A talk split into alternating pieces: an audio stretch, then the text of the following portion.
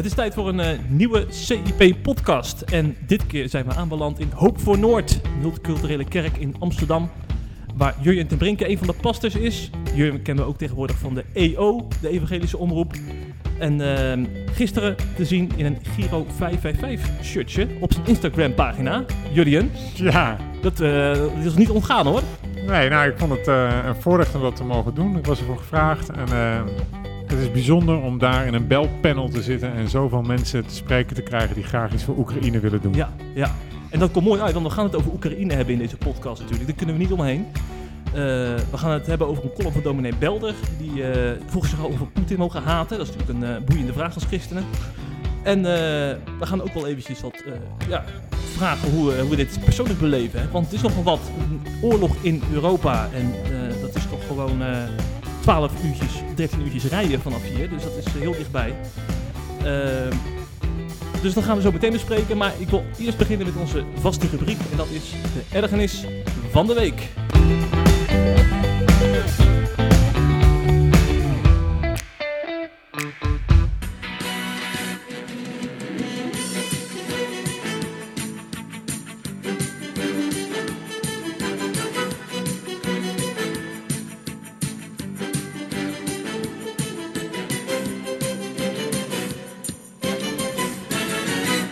Ja, Jurjen.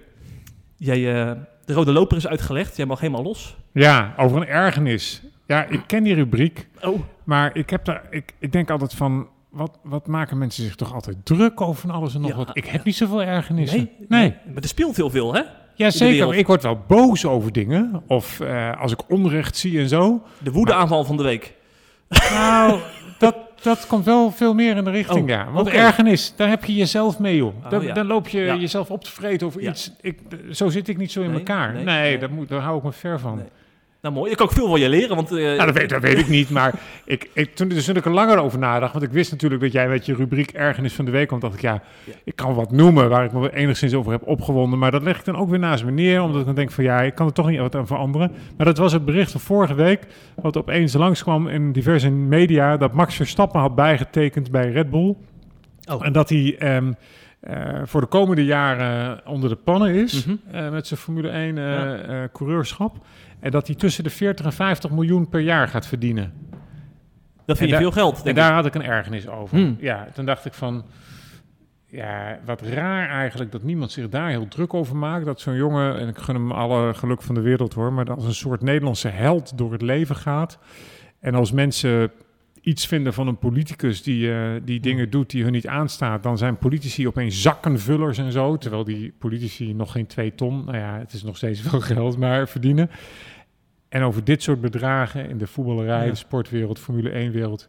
Wat een Je idioterie. bent doorgeslagen, hoor ik. Die bedragen. Verschrikkelijk. Ja. Het voordeel is wel dat zo'n Max Verstappen, die kan dan eh, eh, 2 miljoen euro overmaken naar Giro 555. Nou, dat kan ik niet. En daar hoef ik, eh, natuurlijk weet ik helemaal niet eh, wat hij precies ervan doet. Ja. Ik weet wel dat hij eh, ook rondvliegt in zijn eigen vliegtuig. En eh, nou ja, dat, dat zijn dit soort jongens hun leven, ja, hè, hoe zeggen ze dat, aan hun voeten hebben liggen. Tenminste, naar maatstaven van welvaart. En ehm, wellicht dat hij veel goeds mee doet. Dus daar heb ik geen enkel oordeel over. Maar laten we teruggaan, Jeffrey. Ja. Ehm, ergeren, nee joh, want dan moet ik me dus heel erg druk gaan maken over zijn nieuwsbericht. En daar heb ik alleen maar mezelf mee. Ja. Doe ik niet. Ja, ja.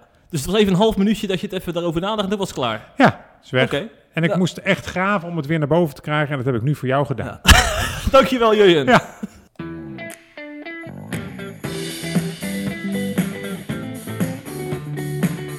Het laatste nieuws uit christelijk Nederland bespreken we in de CIP-podcast.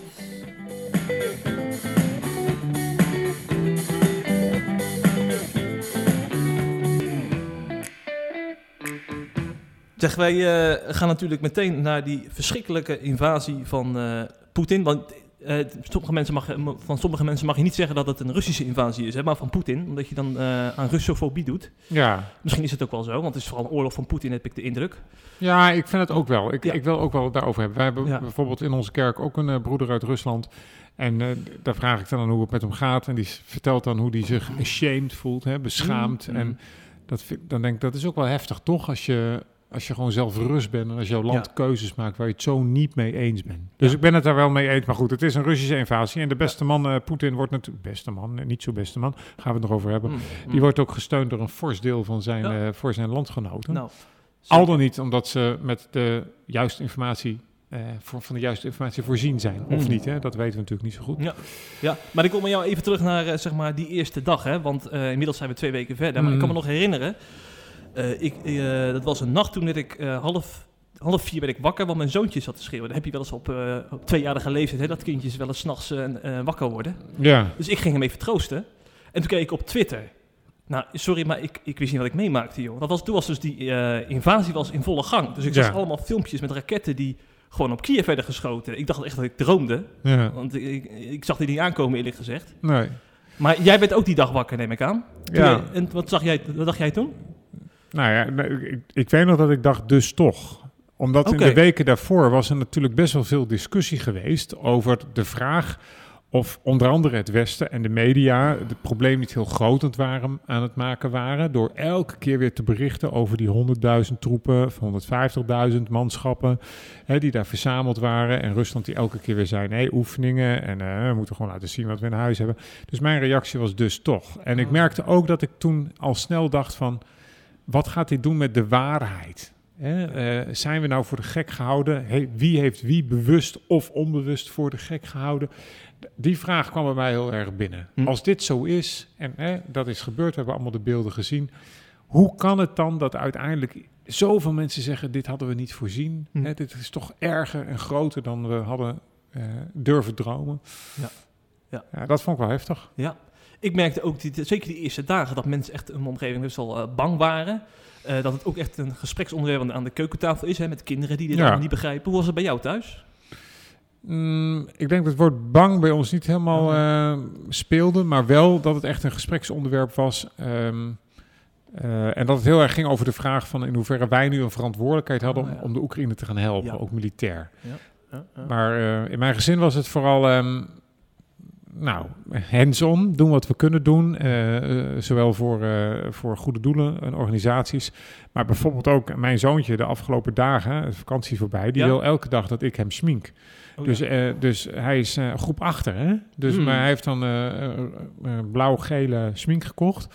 Dus eh, gisteren had hij twee vlaggen op zijn wangen. En nu waren het veetjes van eh, Victorie en van Vrede. En, ehm, en ik vind dat dus heel grappig. Dat een jongen van 11 jaar, een stoere voetballer... dan dus met gekleurde wangen naar school gaat om zijn statement te maken. En we hadden hier zondag een gastspreker in de kerk... en die vertelde dat zijn zoon het Oekraïense volkslied heeft leren spelen op zijn piano. En dat die jongen nu elke dag eh, dat volkslied thuis loopt te spelen op de Ja. piano. Een Nederlandse knul.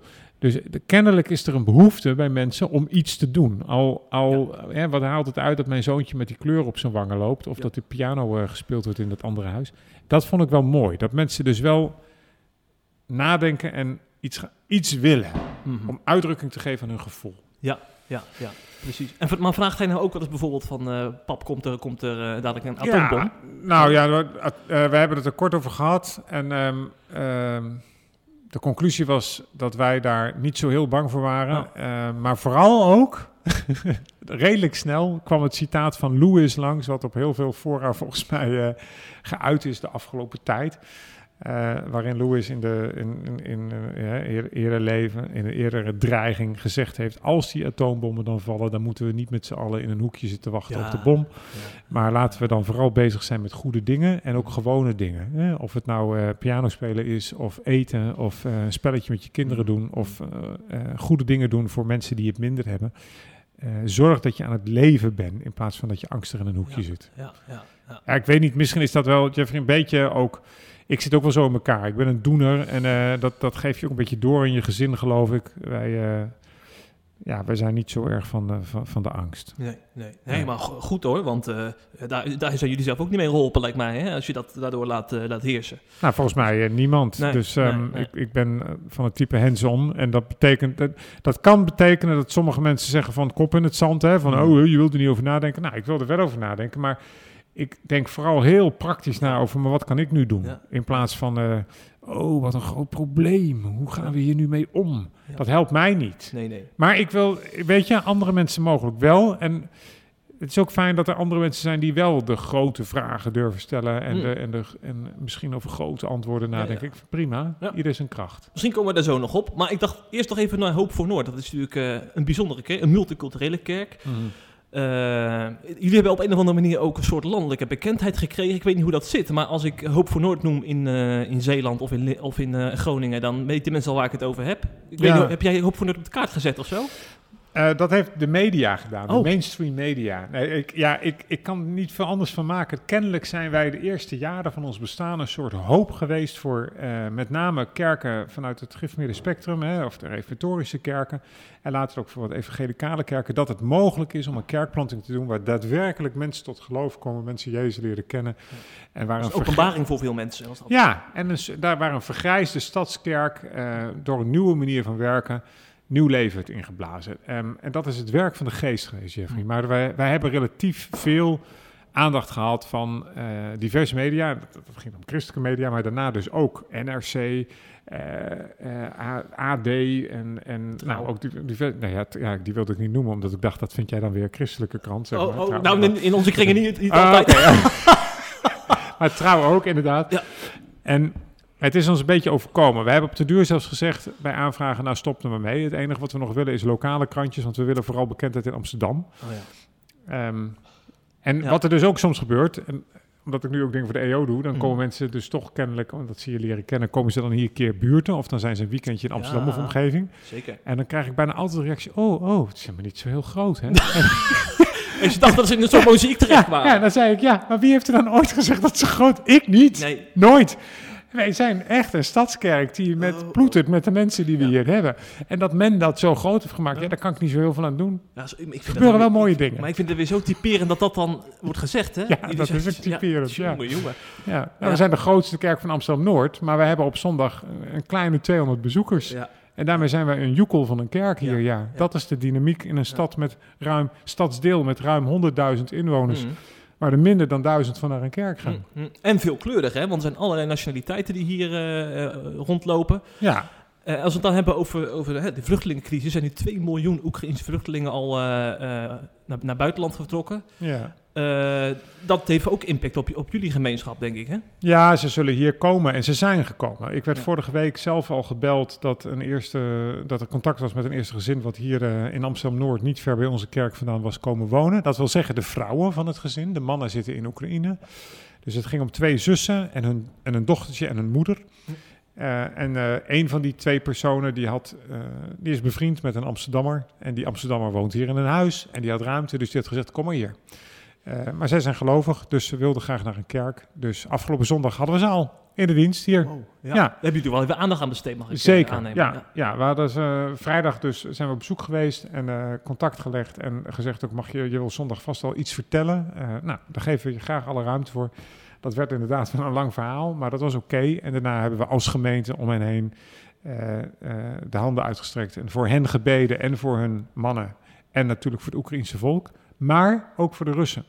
Wij hebben ook een Russisch gemeentelid. En ja, dit- dat, dat, dat voelt natuurlijk ontzettend dubbel voor zo iemand die, eh, nou, die dat helemaal niet wil, wat er nu gebeurt. Krijgt hij ook veel over zich heen dan? eh, ja, hij krijgt op zijn werk Ja. op zich heen. Oh, ja. Ja, Ja. dat vind ik heftig. In de gemeente niet hoor. Als- Ik bedoel, wij hebben veel van die voorbeelden. Hè. Eh, mensen met Turkse en Koerdische achtergrond, die konden elkaar vroeger ook niet luchtig Mm. zien, spreken. Of nog steeds in de wereld niet. Maar hier hebben ze elkaar jaren terug een keer de voeten gewassen. Ja. En dat heeft zoveel impact gehad. Hm. Of Pakistanen en Indiërs, die vormen samen een Hindi-Urdu-groep in onze kerk. Eh, wat in de wereld dan niet lukt, zeg maar, of wat vijanden zijn, dat is, jawel, door de gemeenschappelijke deler, het evangelie, door Jezus, door God, eh, bevriend geraakt. Eh, bebroederd en bezusterd geraakt. Ik vind dat heel erg mooi. Ja.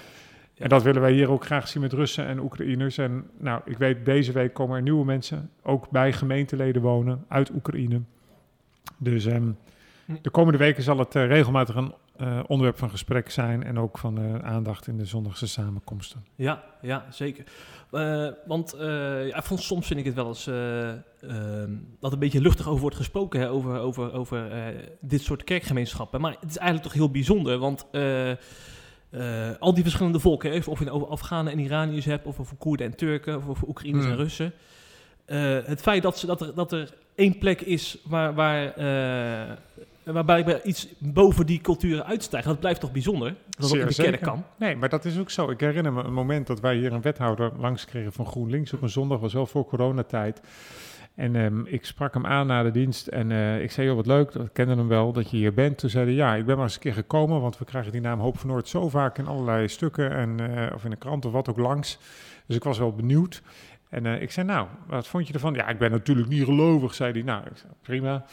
Eh, of niet prima, maar ik zei toen, joh, dat, dat doet het er nu even niet toe, maar ik vind het fijn dat je gekomen bent. En toen vroeg hij aan mij, doen jullie dit nu elke week? Ik zei, nou sterker nog, we doen het twee keer per zondag. En dan heb je het alleen maar over onze zondagsactiviteit, want wij doen heel veel dingen door de week. Hij zei, maar ik vind het heel bijzonder. Ik heb hier achterin staan kijken en er zijn zoveel soorten mensen. En dan niet alleen culturen, maar ook oud en jong, rijk en arm hoger en lager sociaal opgeleid, eh, of, of een sociale klasse. Ja, mag je eigenlijk niet eens zo zeggen natuurlijk, hoger en lager opgeleid. Maar goed, je, dat zit hier allemaal eh, eh, van, nou, van alle leeftijden. En toen zei hij, ik geef regelmatig subsidie aan een straat of aan een wijk, zodat ze een buurtbarbecue doen. En dat kost me dan 750 euro, zodat 100 mensen elkaar een avondje beter leren kennen. Voor de sociale cohesie. En toen zei ik tegen hem, ja, en wij doen dat hier dus elke zondag en dat kost je helemaal niks. Hè? Ja, en toen zei hij, maar hoe kan dat? Zei ik, maar- wat denk je nu zelf wat het antwoord is? Dit is dus God. Ja. Ja, en toen kreeg ik eigenlijk een heel mooi gesprek met die GroenLinks-wethouder over hoe verbindend het evangelie en God werkt. Hè? En waarom het dus ook niet klopt als er altijd gezegd wordt dat religie en godsdienst iets privé is, persoonlijk, achter de voordeur, dat soort termen en zo.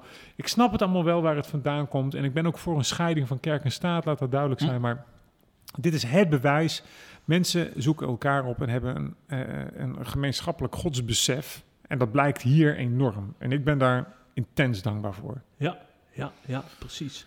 Ik zag eh, van de week zag ik een berichtje dat eh, in Polen heb je natuurlijk ook eh, allerlei eh, kerken die nu natuurlijk ook hun kerken openstellen. Ik zag zelfs dat er een kerk was die een kerkbank en een preeksel heeft Ja, verwijderd om dat al las ik ook. ja, Ja, fantastisch. om vluchtelingen eh, ruimte Ja. te kunnen geven. Ja. Maar ik vroeg, me, ik vroeg me toen echt af, is het nou ook dan de tijd om als kerk verschil te maken dan? Mo- moet iedere kerk in Nederland hier iets mee? Nou, ik denk wel dat dat? elke kerk hier iets mee moet. En het, het goede nieuws is denk ik ook wel dat dat ook gebeurt. Je ziet nu bij zo'n crisis die dichterbij is dan veel andere crises in de wereld. Dat, dat hands-on, dat mensen wel aan de slag gaan. Eh, ik vond zelf een fantastisch nieuwsbericht van die, eh, van die Genemuiden, eh, Gellemunigers. Eh, ik kom een beetje uit die hoek, Genemuiden. Die met een frietkraam en met een vrachtwagen met eten die kant op waren gegaan. Dan denk ik, ja, dat is perfect, weet Oh, je. Ik heb wel een klein beetje moeite met... Als er, ehm, als er allemaal kleding wordt ingezameld, als je, Ja. en, en, en dat het dan, de eerste plaatjes er ook wel zijn, dat dan daar hopen met kleding liggen, zeg maar. Ja. eh, Oh. Terwijl er geen mensen voor zijn om het allemaal aan te trekken. Oh. Maar dit, eten, drinken, gewoon delen van je overvloed, fantastisch. Elke kerk zou daar wat mee moeten.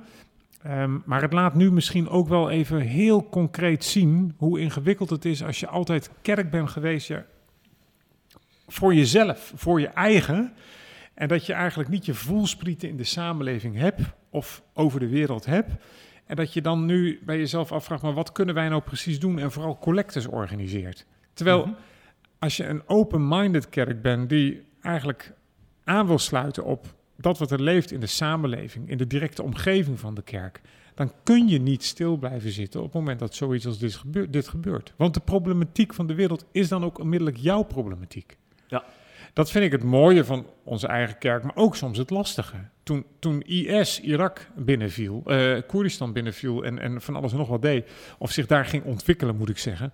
Toen had ik hier op de duur een Koerdische diaken, ouderling, die hier huilend op zondagochtend zei: eh, Mijn ouders zijn woest, want eh, eh, zij hebben nu problemen omdat ik christen ben, ex-moslim ben, en omdat de buren dat weten.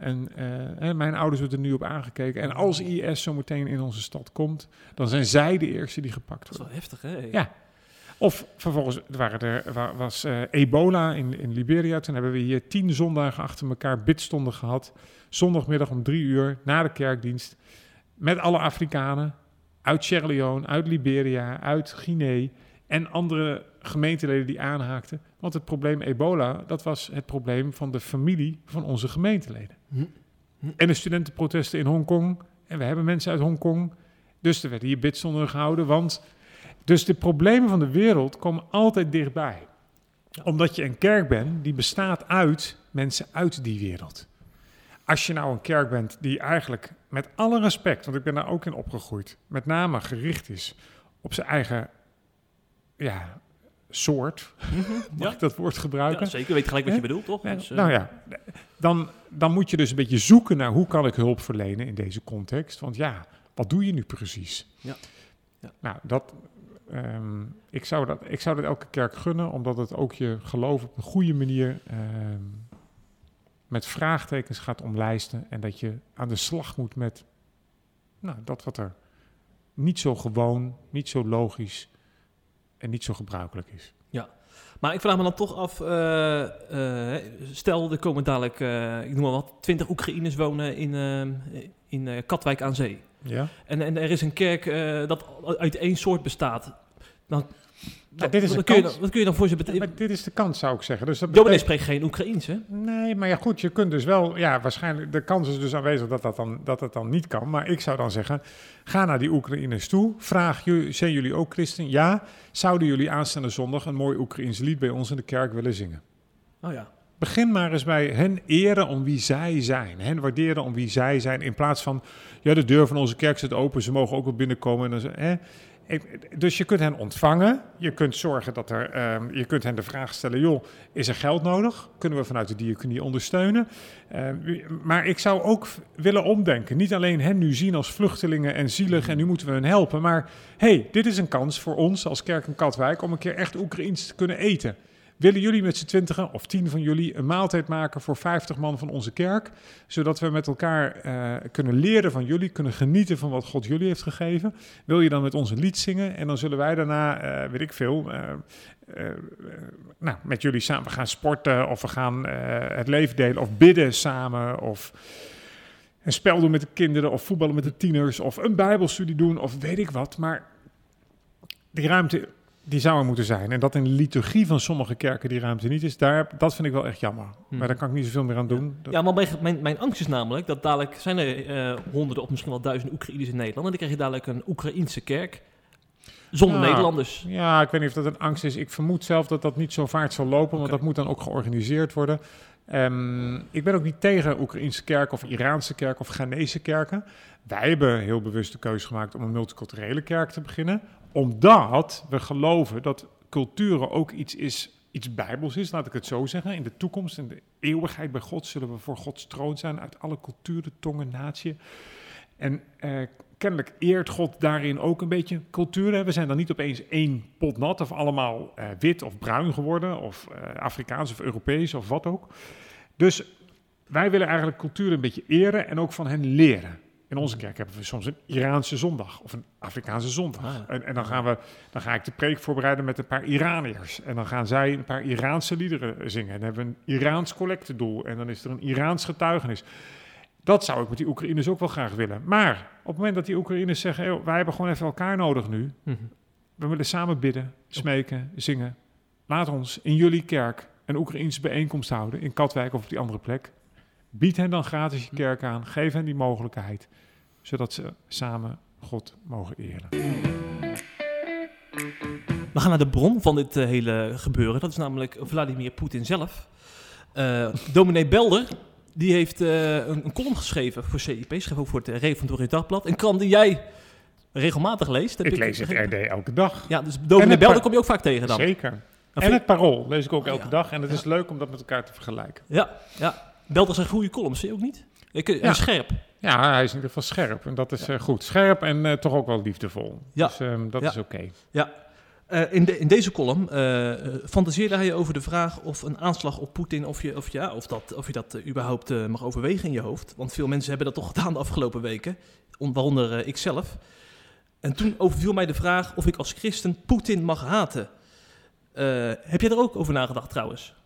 Hè, die- man die moet, die, moet eraan, die moet eraan of zo? Of, Nou, eigenlijk niet. nee?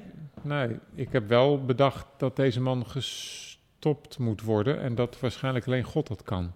Hm. Hm. En daar hebben we voor gebeden. Ik vind het ook wel mooi. hè. In de Bijbel worden we opgeroepen om eh, te bidden voor overheden, voor gezagsdragers. Ik weet, in de psalmen met name lees je natuurlijk ook van eh, dat mensen roepen van Heer, stop dit kwaad, Ja. hè, beëindig het. Volgens mij, het gaat eh, ver in de psalmen, hè? ja, Belder zei dat ook wel, hè, geloof ik. Van, eh, zal ik niet haten wie u haat of Ja, zo, hè? Dat Ja, soort Psalm eh, termen. 139. Ja. Ja. Maar dat zijn natuurlijk wel psalmen uit het Oude Testament in een context waarin een theocratie het ideaal was, of misschien ook wel de situatie was. Het volk Israël wat geregeerd werd door God en waar hij de volken omheen waren. Mm, ik weet niet of je op grond van het Nieuwe Testament dit zo kan zien. Wij, wij worden opgeroepen door Jezus om onze vijanden lief te hebben. Dus dat is een beetje hetzelfde als waar we de podcast mee begonnen. eh ergernis. Het helpt mij niet zoveel om Poetin te haten. Dus ik, ik, ik merk wel dat ik het wat moeilijker vind om voor echt voor hem te bidden. En wat ik dan moeilijk vind, is dat ik dan denk: is dit nou wel. Is dit nou niet een bijna onmogelijk gebed, weet je? Mm. Geloof ik zelf dat dit verhoord gaat worden? Ja, dat had ik dus ook. Want Dat. ik bad dus om bekering voor Poetin. Ja. En toen- ik dacht van, hè, Ja, wat ben ik dat nou echt? Ja. Ja, ja, dat. Dus dat, dat vind ik wel, dat, daar heb ik wel een beetje een worsteling in. Dat ik dan denk van, geloof ik eigenlijk wel wat ik bid? En als dat niet zo is, ja, moet ik dat dan eigenlijk wel bidden? Mm, ja, Of is het dan een beetje een vorm? Zo van, heer, wilt Poetin bekeren? Ja. Maar ik dacht ook wel weer, ja, ik dacht dus ook van, eh, stel, eh, eh, er zou een generaal rondlopen die, die kan, die heeft de mogelijkheid om die Poetin echt eens een keer eh, door zijn hoofd te Ja. schieten. Gewoon om, Ja. omdat, omdat hij te ver is gegaan. Ik, eh, daar redt hij misschien wel honderdduizenden mensenlevens Ja. mee. ja. Dat, die kan denk ik ook inmiddels wel ja een maar beetje goed, mag je dat, dat mag je wel denken, vind ik. En als je die mogelijkheid hebt... Ja, Jeffrey, het werd mij andersom gesteld van de week door mijn, door mijn zoontje. Ik weet niet waar hij het vandaan had. Die zei, pap, als jij je leven moest geven zodat er geen oorlog meer was, zou je dat dan doen? Hm. Toen zeg ik, maar wat bedoel je nou? Nou, als nou jij dood moet en dat er dan vrede komt.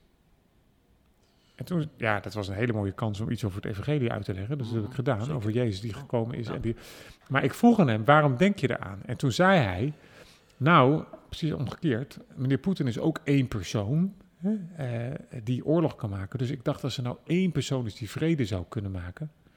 En toen zei ik, nou lieverd, ik zou met mama en met jullie samen gaan praten. Want dit, is, dit kan natuurlijk niet, dat ik vrede breng. Maar wat zou jij vinden? Nou, toen kreeg ik de tranen in de ogen en zei ja, dan denk ik dat het toch beter was dat je dat dan wel zou doen. Hm. Het kreeg natuurlijk een heel raar gesprek, maar ook wel een heel mooi gesprek met hem. Zo, Over, ben ik bereid om mijn leven te offeren ja. voor vrede?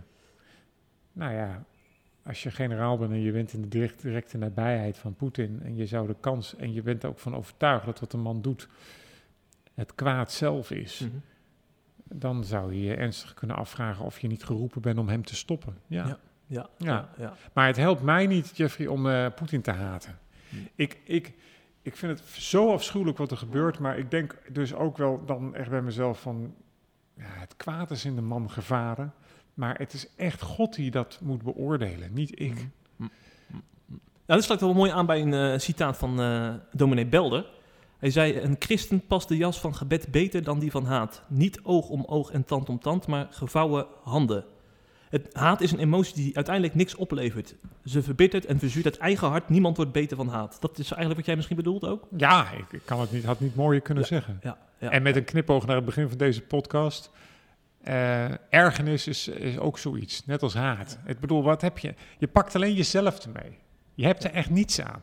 Ja, ja, tenzij, dat is eigenlijk een beetje eh, mijn bedoeling van die rubriek, dat, eh, dat vanuit ergernis natuurlijk iets goeds komt. Hè? Want Rico Voorberg, die er zich dood aan dat de Europese Unie niks tegen die eh, vluchtelingencrisis in, in eh, Griekenland doet. Dus die gaat ze eh, letterlijk halen. Ja, Er komt toch ook het ergernis voor? ja, nou ja, goed. Ik wil niet een Ja. woordspelletje van Nee, maken. precies. Ik zou dan zeggen dat Ja. komt het woede voort. Het woede, en uit rechtvaardigheid. Nee, zeker. En dat is, ehm, en die woorden heb ik namelijk wel wat mee. Ja. En een boel. En ik ben ook, ook woedend over wat er gebeurt.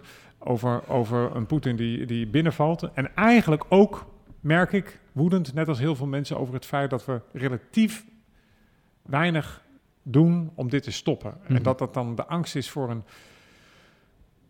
derde wereldoorlog. Ja, ik snap dat wel. Ja. Dus ik denk ook wel dat het wijs is dat we nu ons er niet mee bemoeien. Maar aan de andere kant, als dan bij op één van de week eh, zo'n Oekraïense eh, persoon aan tafel zit, die dan, die dan zegt van. eh, en, maar als de Tweede Wereldoorlog de Amerikanen zo gereageerd hadden zoals jullie nu naar ons reageren, nou dan waren jullie nog heel lang onder de Mm. geweest. Dat raakt me. Dat- ik snap dat. Ik snap dat een Oekraïner zo denkt. Dat snap ik. Mhm, mhm. Terwijl ik niet denk dat het nu een oplossing is dat wij daar gaan bombarderen. Nou ja, goed. Ik Ja. ben, eh, weet je, wat ik nog wel, ik werd een keer wakker van de week en toen dacht ik, wat nou als een of andere partij, Israël, Iran of iemand anders, hé, hey, dat is lekker veilig, hè? Oh, wat veilig. gewoon midden in de nacht een keer die 60 kilometer rij van, eh, van Russische voertuigen gewoon onder de vuur neemt. Ja, dat dacht ik, ja. en dat dan, zou er dan ook oorlog komen tussen Rusland en Israël? Of gewoon niet, omdat Rusland het helemaal niet aan kan. Heb je het idee van Donald Trump al gehoord? Nou, Donald Trump had eh, getwitterd van eh, we moeten gewoon vliegtuigen sturen met Chinese vlaggetjes, want dan schieten ze dus niet uit de lucht, die Russen. ja, dat gaat een beetje deze kant op, eh, Ja. jouw opmerking. Ja, dat klopt. Oh, nou, dit is wel heel pijnlijk. Dat ik dus nu een beetje in de hoek van Donald Trump wordt geduwd. Dat is Ja. wel echt ongeveer Ja, die zag jij niet je aankomen. me- Nee, die zag ik niet aankomen, nee. Nee, dit is wel echt erg. Ja, ja. Maar, maar dit Als dat wel... zou werken, zou het misschien eh, moeten. Ja, maar dit tekent wel hoe machteloos we zijn, dat wel dit soort gedachten al bij ons opkomen. Hè? Van we Ja. kunnen niks, hè? We, uiteindelijk kunnen we gewoon weinig. Nee, en dus, dan maak ik het dus snel heel, heel graag heel klein. En dan wil ik me graag inzetten voor de Oekraïners die hier komen Ja. in Amsterdam-Noord. Eh, zet ik me graag in voor Giro 555, voor eh, samenwerkende hulporganisaties, Christelijk Noodopcluster. Dan, ja, dan doe ik wat in mijn hand vindt om te doen. Ja, Ja, ja. Zeg, Het unieke aan deze oorlog is wel ook natuurlijk, eh, het komt letterlijk je huiskamer binnen. Hè? Ik, zat, ik, zat, ik zit vaak op Twitter en dan zie je gewoon, Oekra- dan volg ik gewoon Oekraïne, zie daar filmpjes maken. En eh, eh, dat zijn altijd wel dingen die je raken, of verhalen die je raken. Heb, je, heb jij ook zo'n ervaring die bij je opkomt? Ja, nou, ik zit niet op Twitter, omdat ik daar volgens mij helemaal gek van zou worden. Ja, dat snap ik. Ehm, En nou, Of via andere kanalen natuurlijk. ja. En het filmpje wat mij denk ik het meest raakte was een NOS-filmpje van de afgelopen week waarin ehm, families renden terwijl er granaten vielen. Oh ja. Koffertje erbij, eh, kinderen erbij, een oma die over een, eh, eh, hoe heet dat? Eh, over een hek werd geholpen Ja. door een soldaat. Eh, mensen die bleven roepen. Er was op de deur een soldaat die zei tegen een klein meisje: Ben je bang? Ben je bang? En dat meisje zei nee. Of een jongetje, ik weet het niet. En toen zei hij: Goed zo, goed zo. Je hoeft ook niet bang te zijn. En Ja. dat raakte me heel erg, omdat in dat filmpje kwam eigenlijk alles samen. Zeg maar rennen voor je leven, je huis en haard achterlaten. Tegelijk een soort chauvinisme van nee, we hoeven niet bang te zijn en we gaan dit winnen.